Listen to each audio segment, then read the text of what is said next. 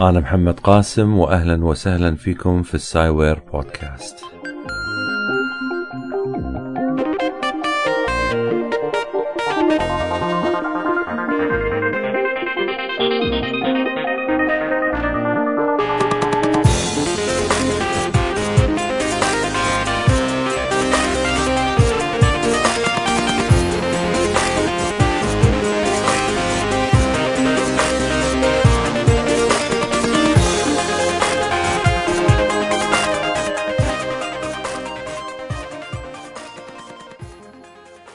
أهلا وسهلا فيكم في Sciware Podcast نكمل الرحلة مع الذره عبر الزمن في الجزء الثاني مع المهندس عايد العجمي ونبدأ من عند السؤال اللي طرحه المهندس عايد العجمي في آخر الحلقة الماضية ونكمل هذه المسيرة.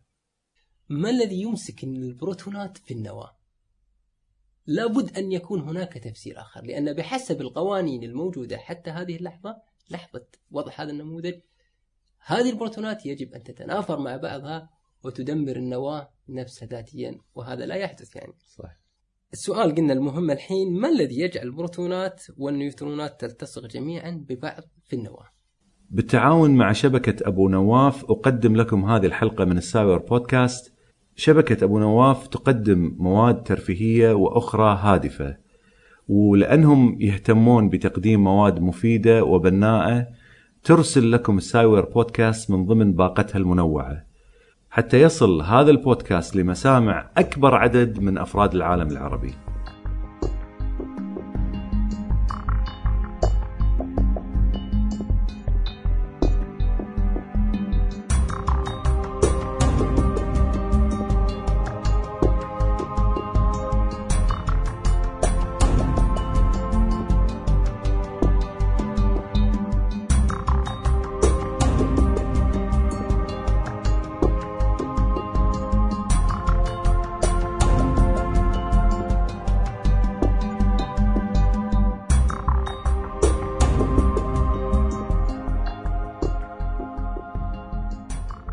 كانت الإجابة على هالتساؤل ثورية على قدر السؤال نفسه. okay. وهو أن هناك قوة جديدة في الطبيعة بخلاف طبعا الجاذبية والكهرومغناطيسية. هذه القوة تكون بداخل النواة وهي المسؤولة عن تماسك محتويات النواة وأطلق على تلك القوة القوة النووية القوية.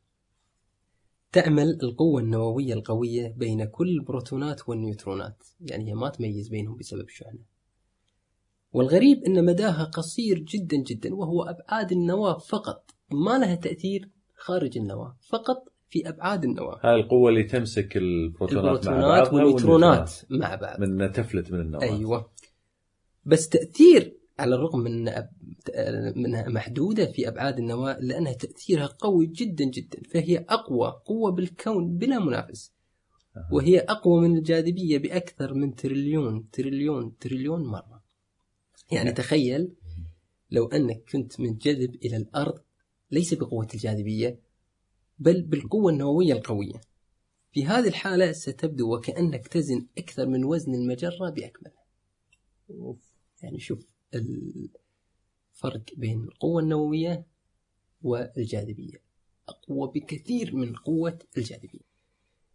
باكتشاف هالقوة اللي هي القوة النووية القوية بدأ العلماء يعرفون حقيقة ما يحدث بداخل النواة الذرية. كل الظواهر النووية مرتبطة بالاتزان ما بين القوة النووية القوية اللي تمسك البروتونات والنيوترونات مع بعض والقوة الكهرومغناطيسية اللي تباعد البروتونات عن بعض. يعني الحين اللي واضح أن النواة ساحة معركة بين تلك القوتين. هذه المعركة هي اللي أجابت على الكثير من التساؤلات وعلى أقدم تساؤل بتاريخ البشرية يمكن اللي هو كيف تنتج الشمس طاقتها؟ التفسير أنه بسبب درجة الحرارة العالية والضغط الشديد في قلب الشمس تتغلب القوة النووية على القوة الكهرومغناطيسية وتندمج نواتي هيدروجين لتتحول إلى نواة هيليوم. هل آه، خل أسألك سؤال عشان الصورة توضح بالنسبة لي. الحين لما كان آه، راذرفورد راذرفورد أو بور ما أذكر الحين منو فيهم اللي ذكرته اللي كان يقذف نواة راذرفورد راذرفورد راذرفورد يقذفها على الذهب. كان يوصل ال- النواة هذه اللي هي ال alpha particles. توصل بالقرب من نواة الذهب. وتنعكس منه بسبب دفع قوة آه، الشحنات. الشحنات صح؟ نعم. هذا موجب هذا موجب نعم. هذا يدفعه نعم فمعناته okay لكن المشكلة وين؟ المشكلة إن هذه ال- ال alpha particles. ما عندها قوة كافية لتقترب من الذهب نعم. بما فيه الكفاية نعم حتى تتغلب بدل ما يكون قوة ال- الدفع مالت الشحنات تتغلب القوة القوية مالت ال- اللي تمسك ال- النواة نعم. فما ما تقترب منها بما فيه الكفاية. لكن في الشمس بسبب الانفجارات بسبب قوة هذه الانفجارات هذه الأنوية تقترب من بعضها إلى درجة أن القوة النووية القوية هي اللي تتغلب على الشحنات عدل؟ نعم هل هذا صحيح؟ نعم كلام سليم 100% إن بسبب درجة الحرارة والضغط العالي تندمج نواتين من الهيدروجين وتصبح نواة واحدة اللي هي نواة الهيليوم ويصاحبها ال- الاندماج اطلاق طاقة عالية على شكل ضوء وحرارة. وهذه العملية هي تسمى يعني باسم الاندماج النووي. الحين ال- ال- اتضح أن اللي يحدث بجميع العناصر أن كلا القوتين تحاول السيطرة على نواة. وفي إحدى التجارب المثيرة اللي أقامها العالم الألماني أوتو هان أوتو هان قام بهالتجربة هذه بقذف ذرات اليورانيوم بالنيوترونات لأن النيوترونات الحين كانت مكتشفة. وقادرين على أن يعني يستخدمونها لقذف ذرات ال- اليورانيوم طبعا بتقولي ليش يستخدم النيوترونات لأن النيوترونات ليس لها شحنة فمعناته فما عندي مشكلة يعني عندها مشكلة راح تصطدم إيه. ب- بذرة نواة ال- اليورانيوم اللي هي مم. ثقيله بالأساس. وجد هانز أن نواة اليورانيوم بعد قذفها بنيوترونات انشطرت إلى نصفين. متحولة إلى عنصر أخف وهو الباريوم. شوف الحين عكس اللي صار بالشمس اللي صار بالشمس عنصرين خفيف أو عنصر ذرتين عنصر خفيف اندمجت لتكوين عنصر عنصر أثقل. أثقل بينما اليورانيوم انشطر إلى عنصر أخف يعني ذرة اليورانيوم انشطرت إلى ذرتين من عنصر أخف وصاحب هذا التحول اللي هو من من اليورانيوم إلى الباريوم صاحب هذا الانشطار طاقة عالية جدا. وكان السبب في انشطار نواة اليورانيوم الضخمة هو أن القوة النووية القوية خسرت معركتها للمحافظة على تماسك النواة. مما جعل القوة الكهرومغناطيسية تمزق النواة وصاحب هذه العملية إطلاق الطاقة القوية اللي قلنا عليها. تخيل يعني مقدار الطاقة اللي تم إنتاجه في هذه العملية الانشطارية من ذرة يورانيوم واحدة هذه الطاقة اللي كانت ناتجة من ذرة يورانيوم واحدة كانت كافية لتحريك حبة رمل. عجيب. فأنت متخيل يعني إن يعني حبة الرمل إحنا عارفين تحتوي على تريليونات من الذرات. يعني أبي أحاول أبسط الموضوع كأنك أخرجت القمر من مداره بقذفه بكرة قدم. الله. فتخيل هذه الطاقة اللي طلعت من ذرة اليورانيوم الصغيرة كانت قادرة لتحريك حبة رمل كأنه يعني أتخيل نفسي أنا اشوت كرة قدم على القمر وأحركه من مدارة. وتخرجها من مدارة. أوه. يعني شوف إن هي نسبة وتناسب مم. يعني. فتخيل الطاقة المنتجة من ذرات من تريليونات من ذرات اليورانيوم يعني. طبعا هذه التجربة أدت إلى وضع أسس الانشطار الذري اللي بدوره أدى إلى صنع القنبلة الذرية اللي تم إسقاطها في الحرب العالمية الثانية على هيروشيما وناغازاكي مم. كانت واضح مقدار الطاقة اللي أنتج والدمار اللي صار. الحين بعد هالتجارب والقياسات على الاندماج النووي والانشطار النووي ترسخت عند العلماء فكرة حول مدى استقرار أو عدم استقرار الأنوية الذرية. ليش في عناصر مستقرة وفي عناصر غير مستقرة؟ هذا كان نتيجة مباشرة للمعركة بين القوة النووية القوية اللي تحاول تجميع مكونات النواة والقوة الكهرومغناطيسية اللي تحاول تشتيت مكونات النواة. فكل ما كانت العناصر خفيفة تكون القوة النووية القوية أقوى من الكهرومغناطيسية وبالتالي تميل ذرات تلك العناصر إلى الاندماج لأن القوة النووية قوية تبي بعد أكثر عندها مجال ها؟ ما في شيء يمنعها الكهرومغناطيسية مو قاعد تمنعها في حالة الذرات الخفيفة. وكل ما كانت العناصر ثقيلة تكون القوة الكهرومغناطيسية أقوى من القوة النووية وبالتالي تميل ذرات تلك العناصر إلى الانشطار. أوكي. درس العلماء تلك القوتين بدقة في جميع العناصر تقريبا ووجدوا أن أكثر العناصر استقرارا في الطبيعة هو الحديد. والسبب أن في الحديد تتساوى القوة النووية القوية مع القوة الكهرومغناطيسية بالضبط. فلا يميل إلى الاندماج ولا يميل إلى الانشطار. مستقر جدا. مم. لذلك جميع العناصر فعلا تحاول أن تصبح مستقرة كما الحديد الذرات الخفيفة تندمج لتصبح مستقرة كالحديد والذرات الثقيلة تنشطر لتصبح مستقرة كالحديد. الحين معدل الانشطار هذا يختلف من مثلا اليورانيوم ينشطر بكثرة مم. على حسب يعني نصف العمر للتحلل ما نبي ندش في الموضوع هذا الحين بس هو من مادة إلى مادة تختلف. ولكن كل العناصر الثقيلة تميل فعلا إلى الانشطار وكل العناصر الخفيفة تميل إلى الاندماج. وجد العلماء أن في علاقة بين استقرار المادة وانتشارها بالكون. وجدوا أن ذرات الحديد اللي هي أكثر استقرارا هي من أكثر الذرات شيوعا في الكون مو أكثرها بس من أكثر الذرات شيوعا في الكون وفي ازدياد مستمر. الحديد. الحديد. في ازدياد مستمر. يعني بعد مليون سنة أو مليار سنة لو تقيس كمية الحديد بالكون تجدها أكثر. لأن الذرات المواد الخفيفة تندمج لتصبح كالحديد والذرات المواد الثقيلة تندمج لتصبح أيضا عفوا تنشطر لتصبح كالحديد. ففعلا وجد العلماء ال- الحديد منتشر بالكون وكميتها بازدياد نفس ما قلنا. وبالجانب الآخر فإن ذرات الراديوم وهي بدرجة عالية من عدم الاستقرار واكتشف أنها نادرة الوجود بالكون. مع مرور الزمن تختفي هذه المواد بانشطارها. والألمنيوم اللي يتمتع باستقرار نسبي اكتشف أنه شائع نسبيا في الكون لهذه اللحظة إحنا نعرف أن الهيدروجين هو أول مواد اللي تكونت بالكون وأن الهيليوم تكون بعد من عملية اندماج الذرات ذرات الهيدروجين. بس كان السؤال المطروح هو كيف تكونت العناصر الأثقل من الهيليوم؟ Okay. أول من حاول أن يجيب على هذا السؤال هو عالم إنجليزي اسمه فريد هويل. اقترح بأن العناصر الأخرى تتكون أيضا بالاندماج النووي. تحت حرارة وضغط شديدين وهذا لا يكون إلا في النجوم. ووجد بعد حساب حرارة وضغط الشمس أن الشمس حارة بما فيه الكفاية لدمج الذرات لتكوين أيضا الأكسجين والكربون والنيتروجين.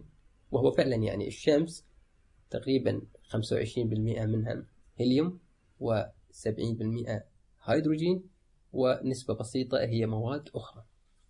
بس ما كان في تفسير لتكون الذرات الأخرى أو المواد الأثقل من الأكسجين وال... والكربون والنيتروجين اللي هي مثلا النحاس والزنك والحديد. شلون تكونت هالمواد يعني؟ مو ما قاعد مو بالشمس. تتكون بالنجوم؟ مو بالشمس. لا مو بالشمس مو بشمسنا على الأقل. أوكي. مو في شمس المجموعة الشمسية. كانت محتاجة حرارة وضغط شديد أكبر من شمس بمقدار شمسنا اللي موجودة. ها. فبعد حسابات وبحث في آه، النجوم الموجودة بالكون وجد أن النحاس والزنك يتكون في نجوم اسمها العمالقة الحمر. هذه النجوم هي النجوم الضخمة اللي تقترب من نهاية حياتها. في هذه المرحلة من عمر النجم تكون الحرارة شديدة جدا والضغط عالي جدا بما يكفي لدمج الذرات لتكوين ذرات ثقيلة كالنحاس والزنك والحديد. لحظة شوي. الحين عندي تساؤل أنا على النقطة هذه. النحاس اللي على الأرض من وين جاي؟ من الكون. مو من الشمس. مو من الشمس. اي مو من الشمس. غبار كوني تجمع شوي شوي جزء بسيط منه مثل النحاس والغالبية مثل لا لا العفو المجموعة الشمسية نفسها مو مكونة من نفسها يعني هي من من المجرة جاية. من يعني- غبار المجرة؟ من غ- مو من غبار المجرة بس الغبار هذا كان خليط من خليط انفجارات لنجوم مختلفة من أكبر. مختلفة أكبر موجودة في المجرة في قلب المجرة معمعة قاعد تصير. إحنا على أطراف المجرة على فكرة يعني. لحظة آه، يعني معناته المواد الثقيلة هذه كلها جت من برا. من برا. النحاس. كل هذه المواد من برا. ما عدا اللي ذكرت من. الشمس ممكن اليورانيوم. من برا كله. كله برا. كله من برا. انت يمكن تستغرب أنا كنت؟ أفكر هذا إنتاج محلي. لا ابدا ابدا. ما عندنا مصنع قادر. للإنتاج. تكوين الذرات هذه يبي لك ضغط وحرارة عالية. هذه المصانع موجودة في النجوم الأخرى يعني. اللي هاني. فالعمالقة الحمر كانت قادرة على تكوين النحاس والزنك والحديد. ولكنها ليست ساخنة أيضا بما فيه الكفاية لصنع الذرات الثقيلة جدا كالذهب واليورانيوم. وأيضا بعد حسابات مكثفه اكتشف فريد هويل أن تلك العناصر الثقيلة اللي هي الذهب واليورانيوم تكونت في انفجارات أكبر وحرارة وضغط أكبر من ما يحدث من في العمالقة الحمر. هذه الانفجارات هي في السوبر نوفا السوبر نوفا هي عملية ليحدث فيها انفجار النجوم الضخمة وفي لحظة انفجارها تتوفر الظروف المناسبة يعني الحرارة والضغط المناسب العالي جدا لإنتاج العناصر الثقيلة. يعني معنى ذلك إن الذهب اللي على الأرض أيضا أتى من انفجارات خارج خارج المجموعة الشمسية. ما في شيء تكون في المجموعة حيل الشمسية. شمسنا. مو شيء كلش. هي قادرة على الهيليوم. على قد حالها أيوة يعني. الأكسجين حد أقصى يلا يلا. شوي شوي. نعم. آه، استطاع فريد هويل أن يفسر كيف تكونت العناصر تقريبا جميعها ولكن كانت في معضلة لم يستطع تفسيرها وهي كيف تكون الهيدروجين نفسه. وأيضا كان في هناك تساؤل آخر وجدوا أن نسبة شنو عفوا شنو المقصود في تكون الهيدروجين؟ لأنه هو بروتون وإلكترون. نعم شلون تكون؟ أنت الحين تبي ترجع حق أصول أصول اللي هو أصول تكون الهيدروجين اللي راح يوصلنا إلى تكون الكون نفسه من خلال معرفتنا بهالجزء الصغير من الكون اللي هو الذرة.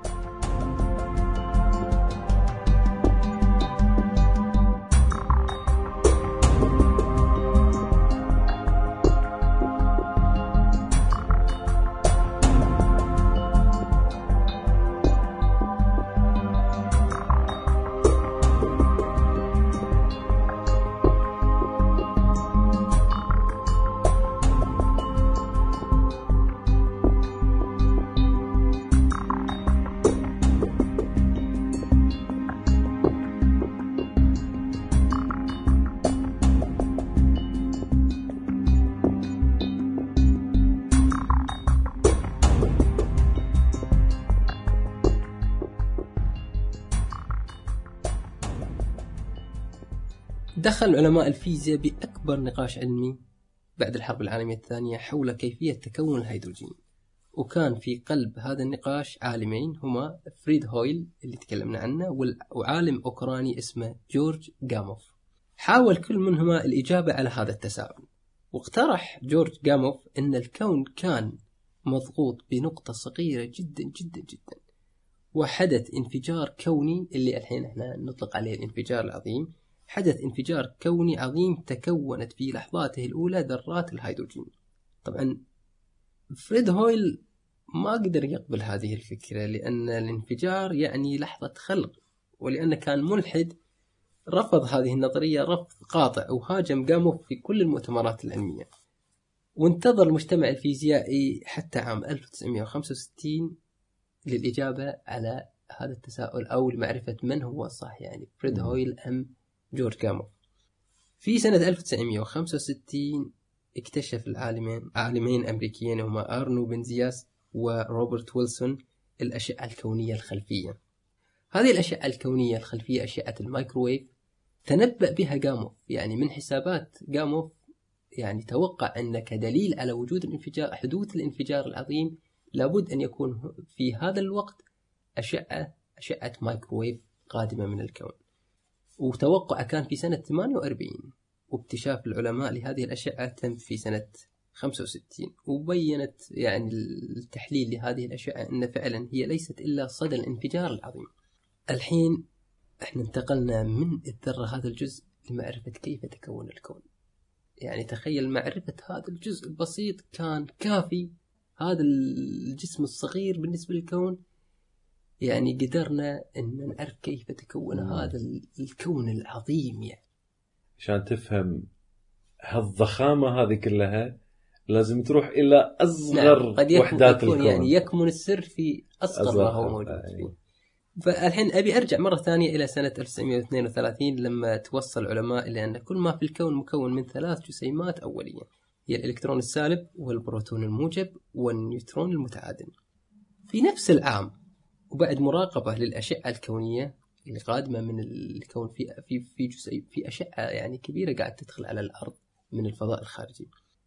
اكتشف أحد العلماء جسيم له نفس كتلة الإلكترون بالضبط ولكن شحنته موجبة. الحين هذا بدأ يعني يظهر خلل في النموذج الأساسي إنه ما في بالكون إلا ثلاث جسيمات. إلكترون وبروتون ونيوترون. اتضح إن في جسيم مختلف عنهم اللي هو الإلكترون الموجب ونسميه البوزيترون أو ضديد الإلكترون. طبعا المادة المضادة تم توقع وجودها نظريا من قبل العالم الفيزيائي بول ديراك اللي أكدت نظرياته حول ميكانيكا الكم وجوب وجود المادة المضادة. فكل جسيم له ضديد. فبالتالي آه، تقبلوا العلماء وجود البوزيترون وقالوا okay في ثلاث جسيمات ولها ضديد. فالإلكترون له ضديد. موجب الشحنة اللي هو البوزيترون والبروتون له ضديد اللي هو مضاد البروتون والنيوترون أيضا له ضديد. وكانوا مرتاحين لهذا التصور في نوع من التناظر بالعملية. يعني عندنا ثلاث جسيمات وثلاثة مقابل لها مادة مضادة لها. بعكس الإشارة. في حالة النيوترون راح نعرف بعدين النيوترون أكو بعد إيه، مضاد للنيوترون؟ مضاد للنيوترون. راح نعرف يعني ليش في مضاد للنيوترون يعني مع انه ما له شحنة. فكانوا العلماء مرتاحين لهذا التصور.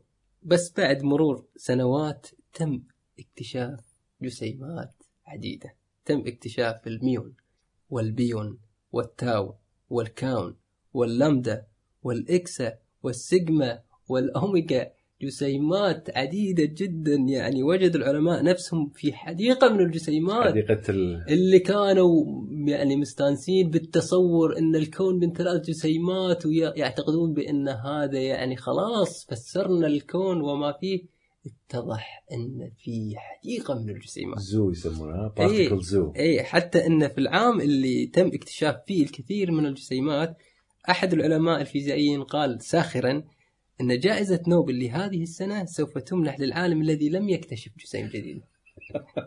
لأن آه، كان اكتشاف جسيم يعني حصول على جائزة نوبل. الحين صار عدم اكتشاف اكتشاف. الإلكترون أعطي عليه يعني جائزة نوبل واكتشاف البروتون أيضا تم منح جائزة نوبل لهذا الاكتشاف واكتشاف النيوترون يعني آه، تشادويك حصل على جائزة نوبل بسبب اكتشاف فكان الاعتقاد ان يعني أهمية اكتشاف جسيم يعني ب- ب- بأهمية كبيرة لدرجة انه يمنح جائزة نوبل. بس بعد اكتشاف هالعدد الكبير أصبح الأمر مختلف.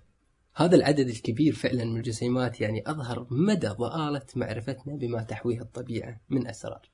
فحاول العلماء أن يحلوا هذه المعضلة الكبيرة فعلا. وكان أحد العلماء اللي كرسوا جهدهم للإجابة على هذا أو لتفسير هذه الظواهر هو العالم الفيزيائي موري جيلمان في سنة 1964 اقترح جيلمان أن للبروتون والنيوترون لهم بنية داخلية فمو يعني مجرد الحين بعد راح ندش في البروتون ونجزء البروتون. ونجزء البروتون نشوف وين. نوصل في إيه. التجزيء هذا فكان يعني وضع نظرية تقول أن النيوترون والبروتون لها بنية داخلية من جسيمات جديدة أطلق عليها اسم الكوارك واقترح وجود ثلاثة كواركات. الكوارك الأعلى أو ال up quark والكوارك الأسفل down quark والكوارك الغريب strange quark. ويا بعد علماء واقترحوا لا أن بعد عشان نفسر أكثر وأكثر في كواركات ثلاث غير هذيل اللي هم كوارك الفتنة ال charm quark وكوارك القمة ال top quark وكوارك القاع ال bottom quark. ليصبح العدد ستة, ستة. ست كواركات عندنا. هذا داخل موجودين كلهم داخل آه، لا لا مو شرط في ال- النيوترون والبروتون في كواركات معينة راح أذكرها الحين بس في الجسيمات الأخرى في كواركات أخرى. مهم. وأكدت التجارب وجود جميع الكواركات يعني كان نظريا هو موضوعه بس التجارب العملية أكدت وجودها وحتى وجود هالستة هذه وجود هالستة. حتى آخر واحد تم اكتشافه مؤخرا يعني في عام 1994 اللي هو كوارك القمة ال top quark مو كوارك الفتنة ها؟ لا. لأن هذا مو خوش كوارك. هذا فالحين يعني التصور إن كل الجسيمات غير الأولية تتكون من الكواركات على سبيل المثال يتكون البروتون من اثنين كوارك أعلى وكوارك أسفل واحد للعلم إن شحنة الكوارك الأعلى هي موجب ثلثين وجدوا أن الشحنة اللي كانت يعني تعتبر يعني أساسية لها قيمة واحدة لو وجدوا أنها لا مجزأة فشحنة الكوارك الأعلى ثلثين وشحنة الكوارك الأسفل سالب ثلث واحد.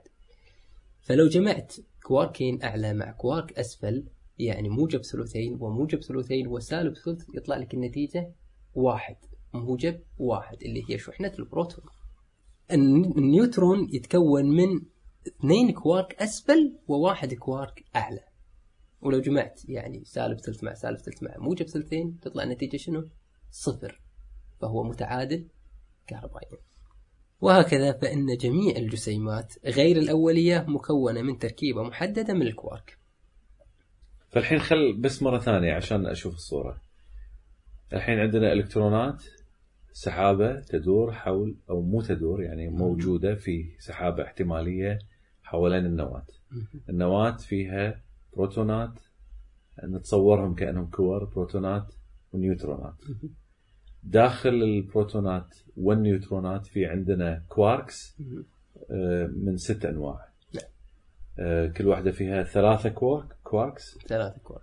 في ال- البروتون والنيوترون هناك ثلاثة ثلاثة كوارك. بس. جسيمات أخرى في ممكن تو كواركس تو كواركس الإلكترون ما يتكون من لا الكواركس كأنه الإلكترون هو جسيم أولي. لا يتجزا هذا اللي الحين وصل العلماء إلى شيء اسمه النموذج القياسي أو ال standard model هذا ال standard model يبين جميع الجسيمات الأولية.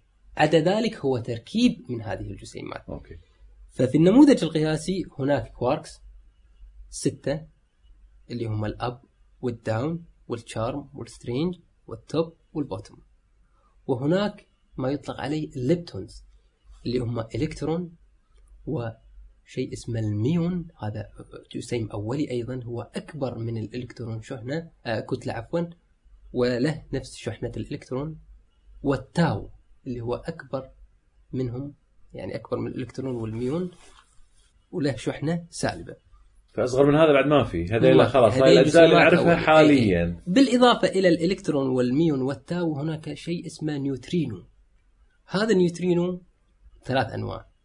electron neutrino لأن دائما بإنحلال الجسيمات تنحل إلى جسيمات أخرى. لما يخرج إلكترون يخرج مع نيوترينو يسمى electron neutrino وأيضا لما يتكون ميون من انحلال جسيمات أخرى يخرج معه نيوترينو يسمى muon neutrino وهذا اللي تم استخدامه في التجربة الشهيرة اللي صارت قبل كم أسبوع.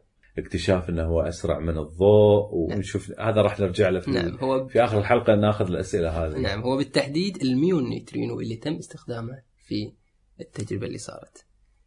فعندنا 6 كواركس و6 leptons ولهم في المقابل مادة مضادة. كل جسيم ذكرته في هذا النموذج له ضديد.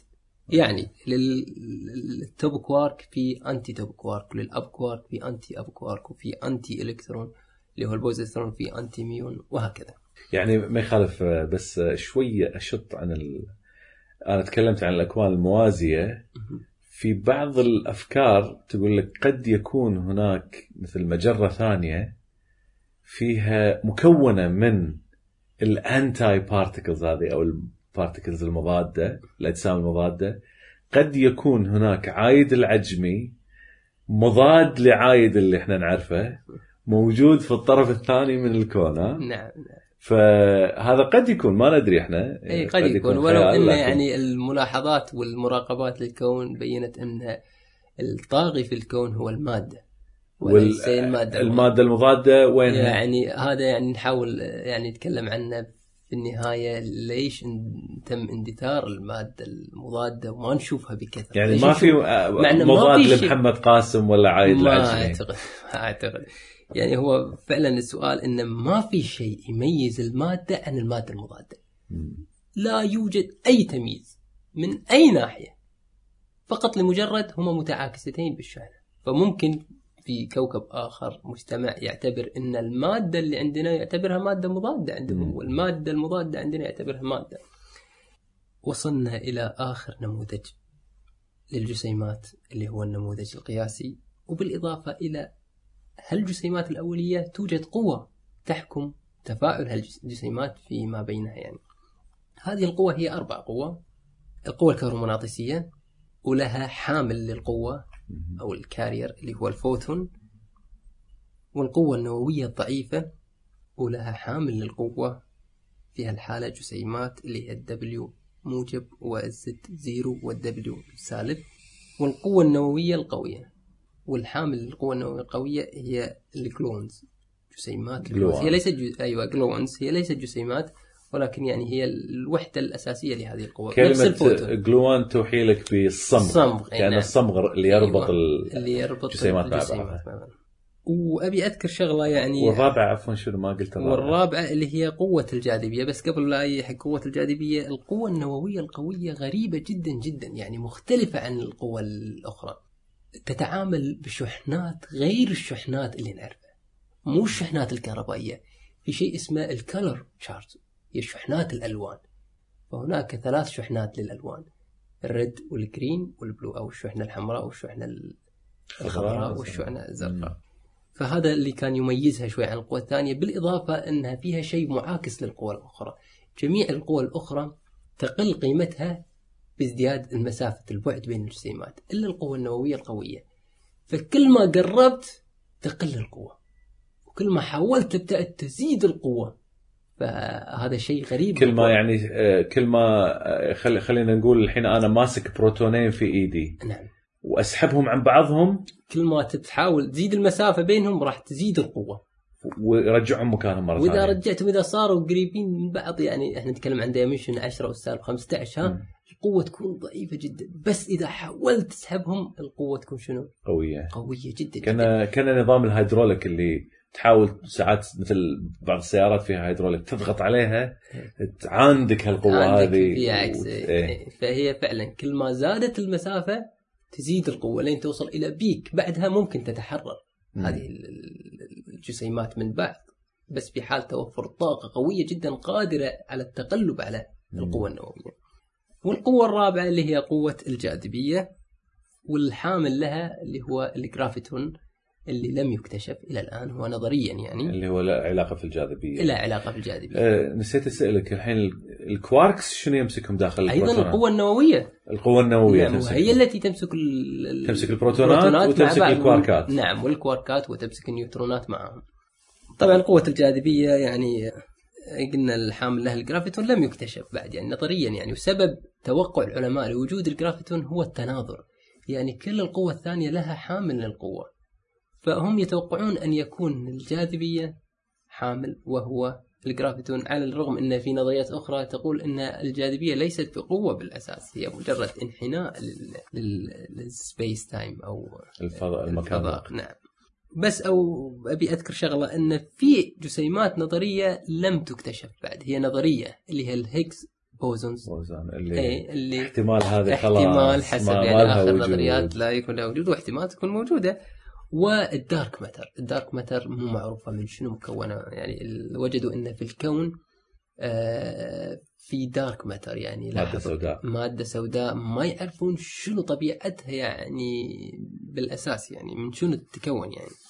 إحنا هني وصلنا إلى نهاية الحديث عن رحلة الذرة من عصر الفلاسفة اليونانيين إلى اللحظة هذه.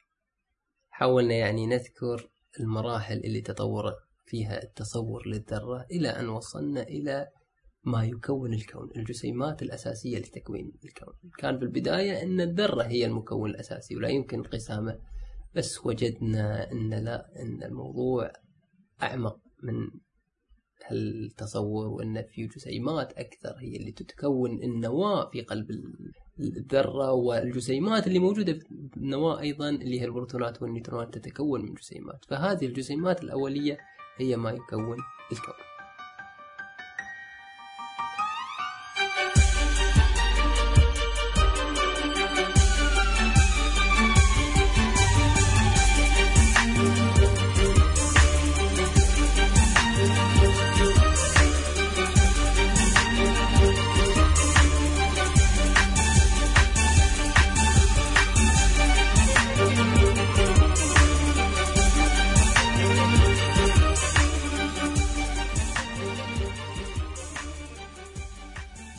الحين إحنا خلصنا قضية الذرة.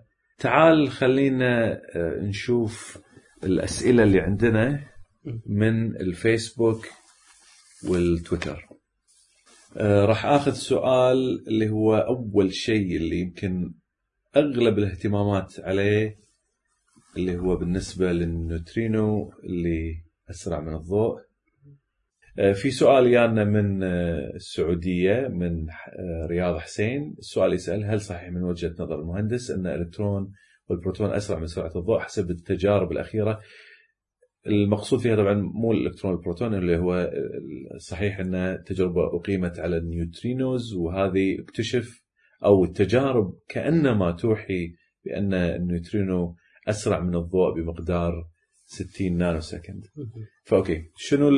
شنو الجواب على هذا السؤال؟ والله شو اللي صاير يعني أنا مو في موقع يسمح لي إبداء وجهة نظر لأن هؤلاء يعني لا okay. فيزيائيين صحيح. يعني عمالقة ويؤدون تجارب يعني تجارب يعني تكلف مليارات يعني إحنا نبي نشوف شنو الاستقراء إيه. أنا أحاول يعني آه، أطرح اللي أعرفه عن التجربة هذه okay هي تجربة طبعا تمت في في مختبرات جراند ساسو في إيطاليا فيها كاشفات أوبرا. هذه الكاشفات قادرة على يعني قياس النيوترينو.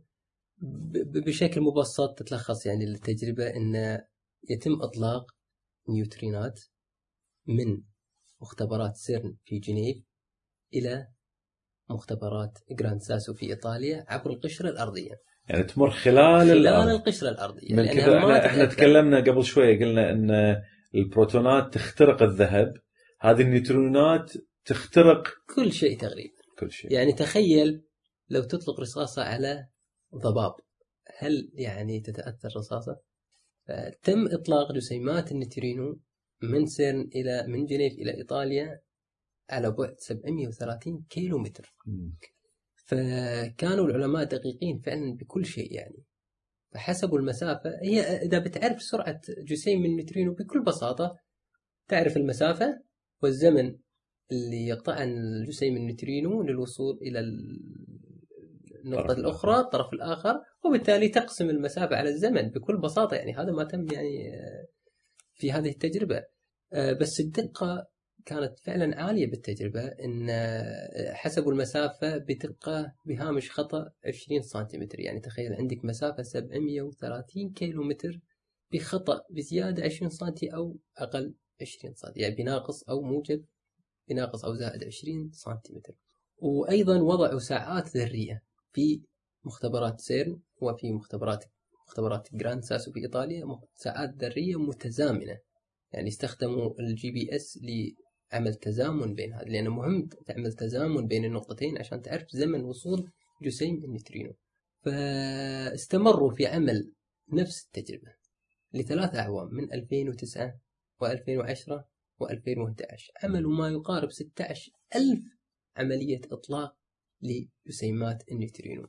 وبعد تحليل هذه البيانات إحصائيا وجدوا بأن النيوترينو قد وصل مبكرا يعني أقل ب 60 nanosecond يعني 60 جزء من مليار من اللي متوقع يوصل فيه فهو يعني أسرع من الضوء ب 25 جزء من مليون.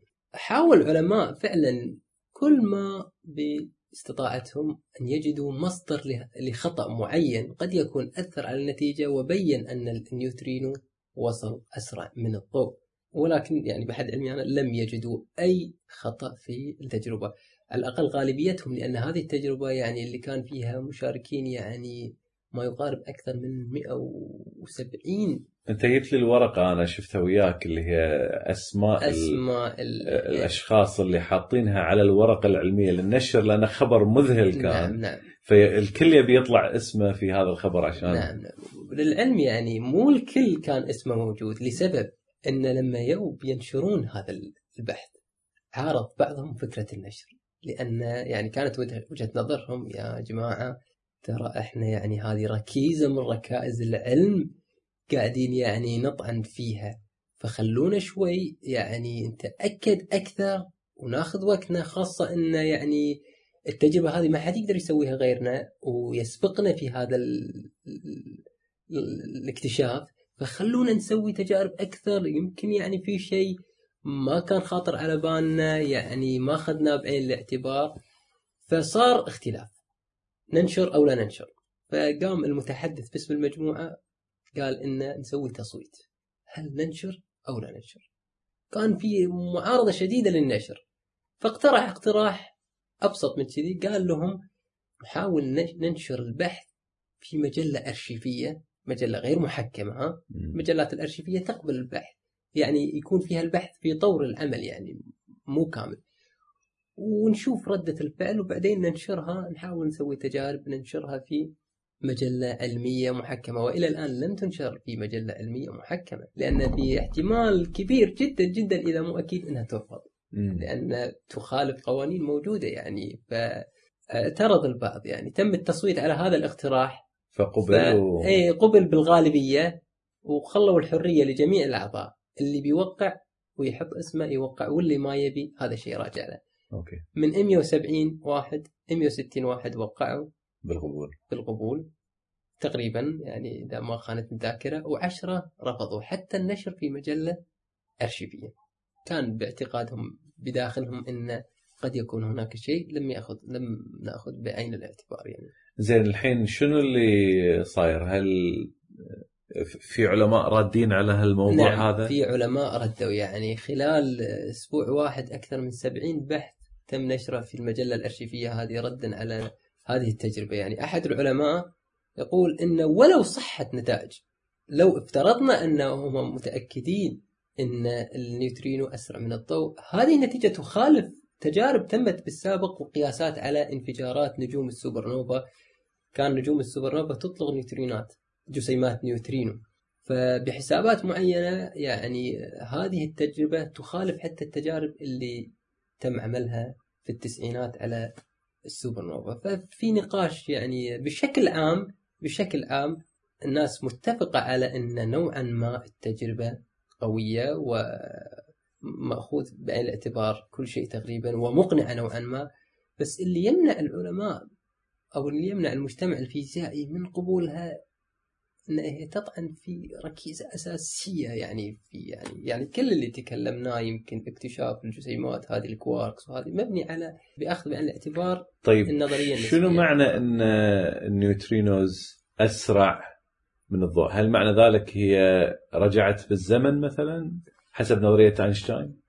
لو قبلنا إنها أسرع من الضوء لو قبلنا إن التجربة صحيحة وأسرع من الضوء في أكثر من تفسير التفسير الأول يرى البعض بأنها قد تكون يعني هي رجعت بالزمن.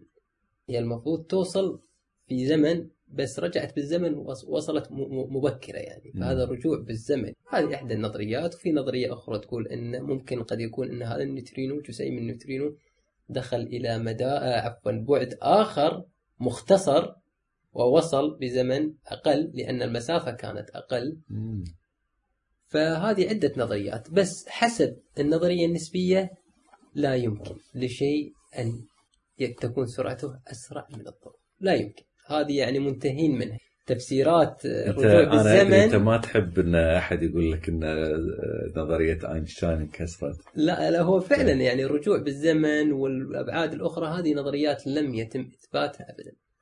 زين آه السؤال خلينا ناخذه الحين من من سيف الإمارات على على التويتر. يسأل يقول هل نواة الذرة دائما تكون قطعة واحدة متراصة أو يمكن هناك فراغات في النواة مثل الفراغات بين النواة والإلكترونات؟ okay طبعا نفس ما قلنا إن اللي يمسك المكونات النواة هي القوة النووية القوية. حاول أن تضم هذه النيوترونات والبروتونات إلى بعض.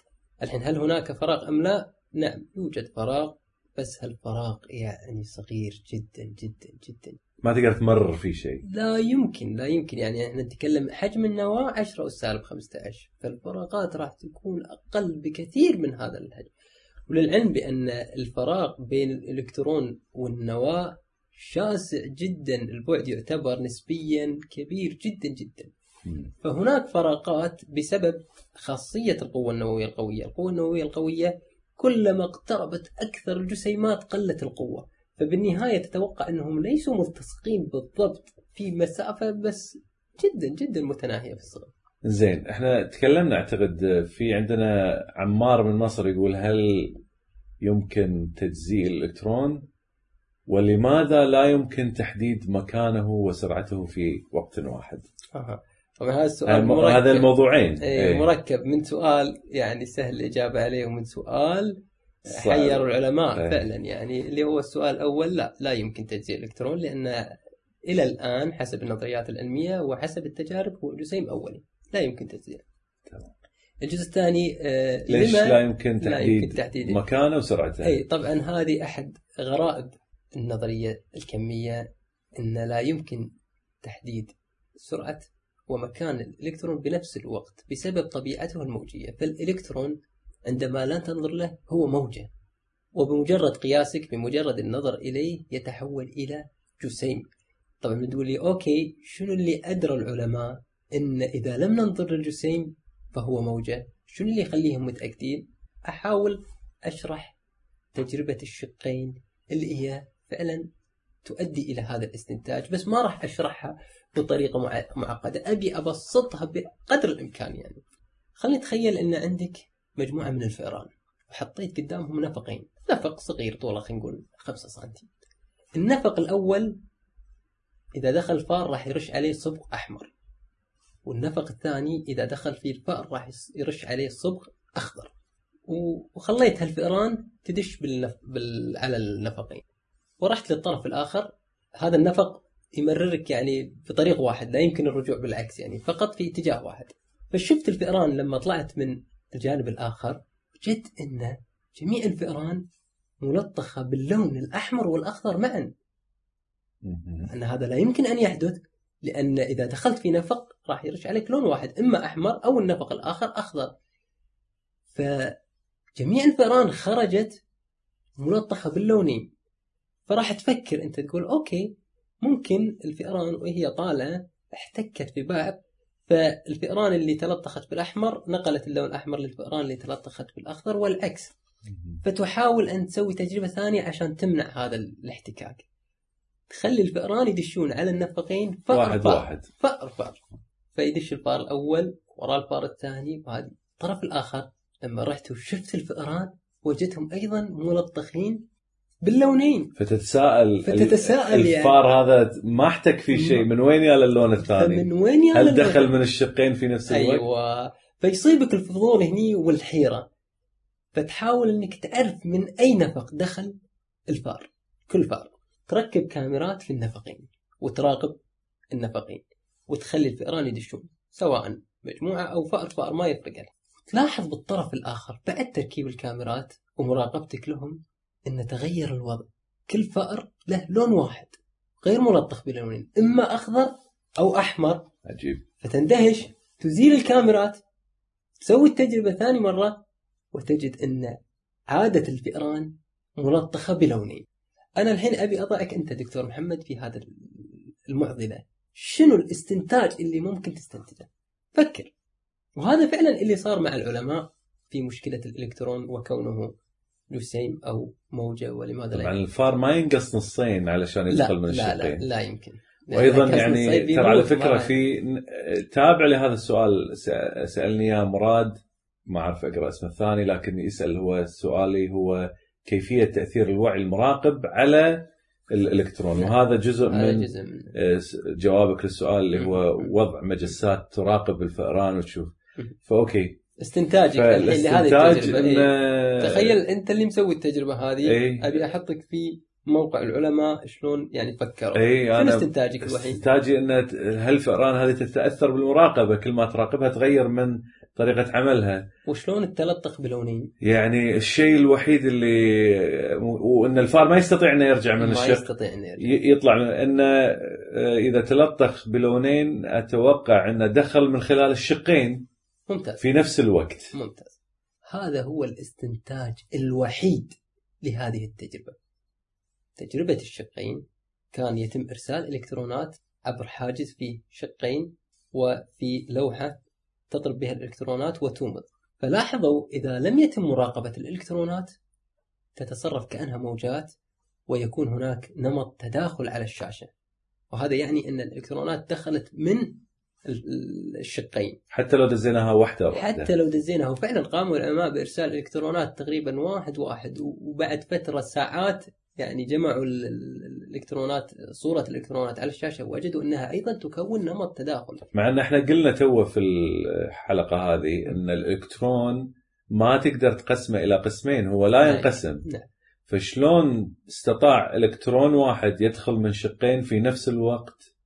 مع أنه هو ما ينقسم مع أنه هو فالتفسير الوحيد اللي مزعج وغير منطقي ولكن التفسير الوحيد اللي يفسر جميع الظواهر في عالم الدون الذري اللي هو أن الإلكترون أو الجسيم الأولي عندما لا يتم قياسه يتفاعل وي يعني يتصرف كانه موجة وبمجرد قياسه يتصرف كانه جسيم. لأن بمجرد ما حطوا مجسات على الشقين بيشوفون من أي شق دخل الإلكترون وجدوا إن نمط التداخل يزول ويتصرف الإلكترون كأنه جسيم فيدخل إما من الشق الأول أو الثاني. زين ليش عيل ما ما ممكن تحديد مكانه وسرعته؟ لأن يتصرف وكانه موجة الموجة ليس لها مكان محدد.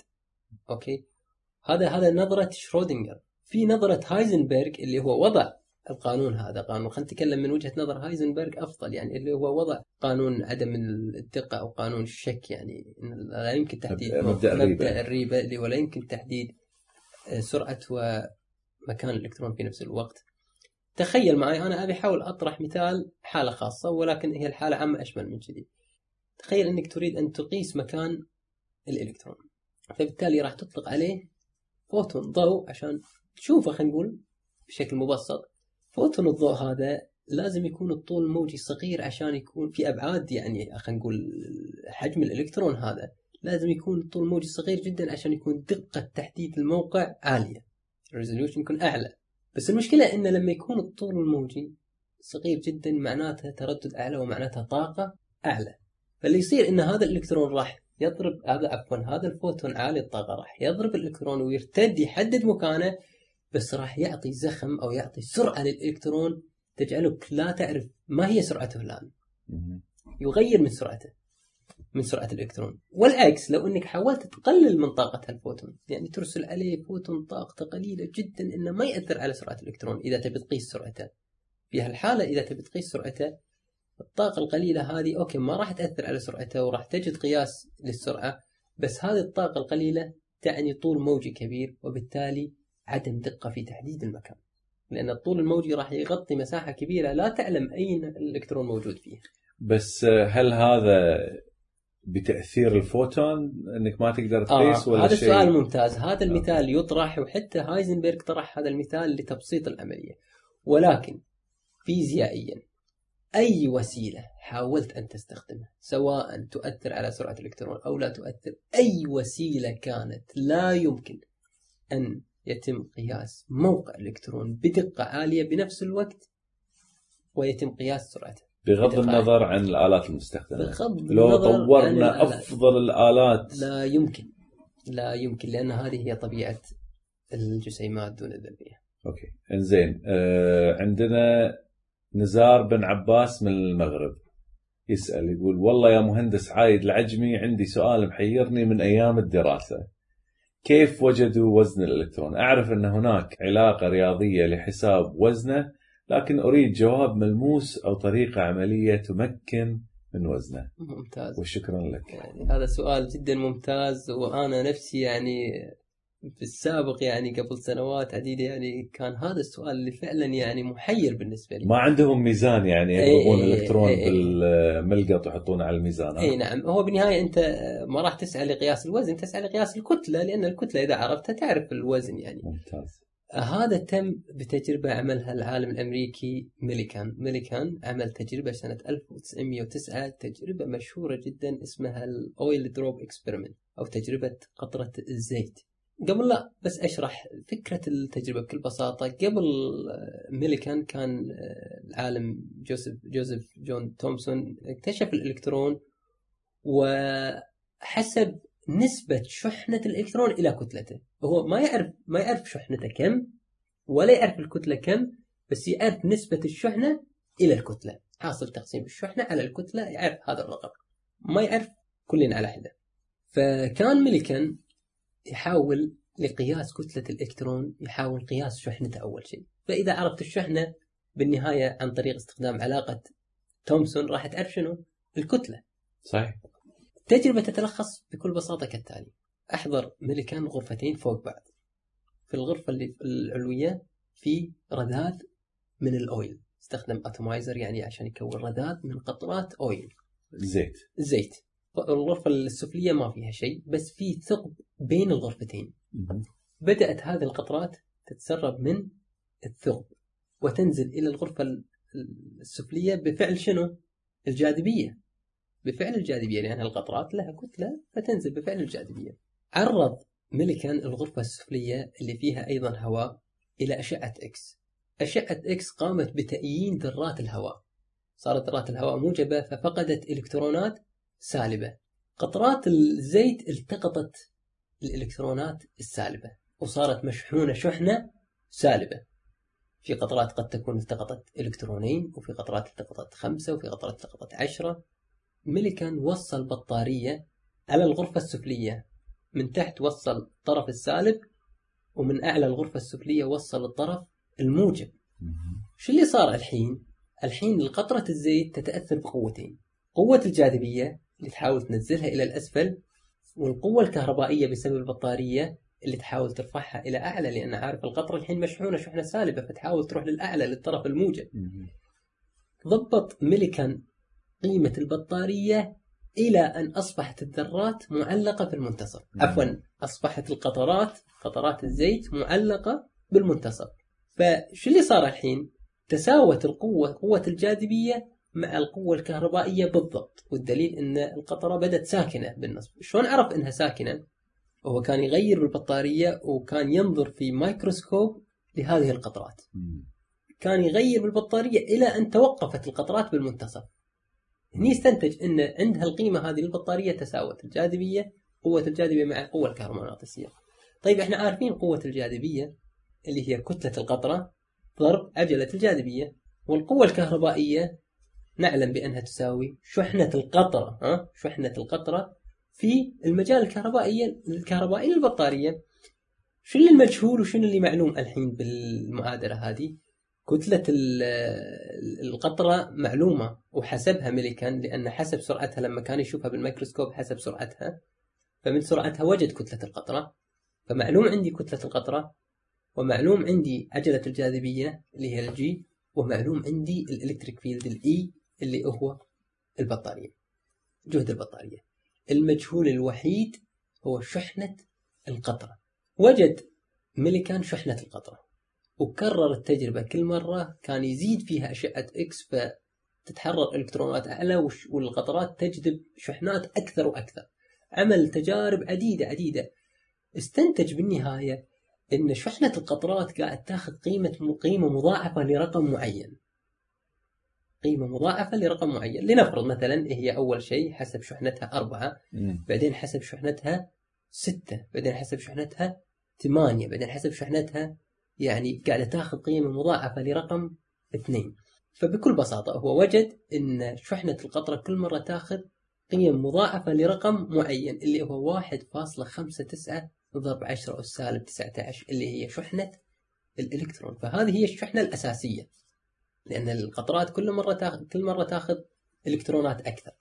وكانت التجربة دقيقة لدرجة يعني تخيل أن القيمة الحالية لشحنة الإلكترون هي 1.6 ضرب 10 أس سالب 19 بينما اللي حسبها ميليكان كانت 1.59 يعني شوف الدقة يعني. بالتجربة هذه. ومن خلال معرفة الشحنة تقدر تعرف تم. قياس الكتلة بالعلاقة اللي وضعها ممتاز. تومسون. في عندنا سؤال بعد. أسامة من الإحساء يسأل هل صحيح أن النظرية النسبية تشير إلى أن الأجسام إن وصلت إلى سرعة الضوء فإنها تتحول من كونها مادة إلى طاقة؟ وإذا كان هذا الكلام صحيح ألا يتناقض ذلك مع القول بأن الفوتونات المكونة المكونة للضوء عبارة عن جسيمات؟ فالسؤال الأول يقول إذا و... يعني الأجسام وصلت إلى سرعة الضوء تتحول من مادة إلى طاقة. هذا الكلام غير صحيح بحسب النظرية النسبية هذا الكلام غير صحيح لأن لا يمكن للجسيم أن يصل إلى سرعة الضوء لأن كلما حاولنا تسريعة زادت كتلته فتطلب طاقة أكبر. فإذا نبي نوصل لسرعة الضوء راح توصل كتلته لا نهائية ما تتلاشى فتحتاج طاقة لا نهائية. إحنا ما نقدر نوفر طاقة لا نهائية عشان نوصله إلى سرعة الضوء. فباختصار لن يصل إلى سرعة الضوء.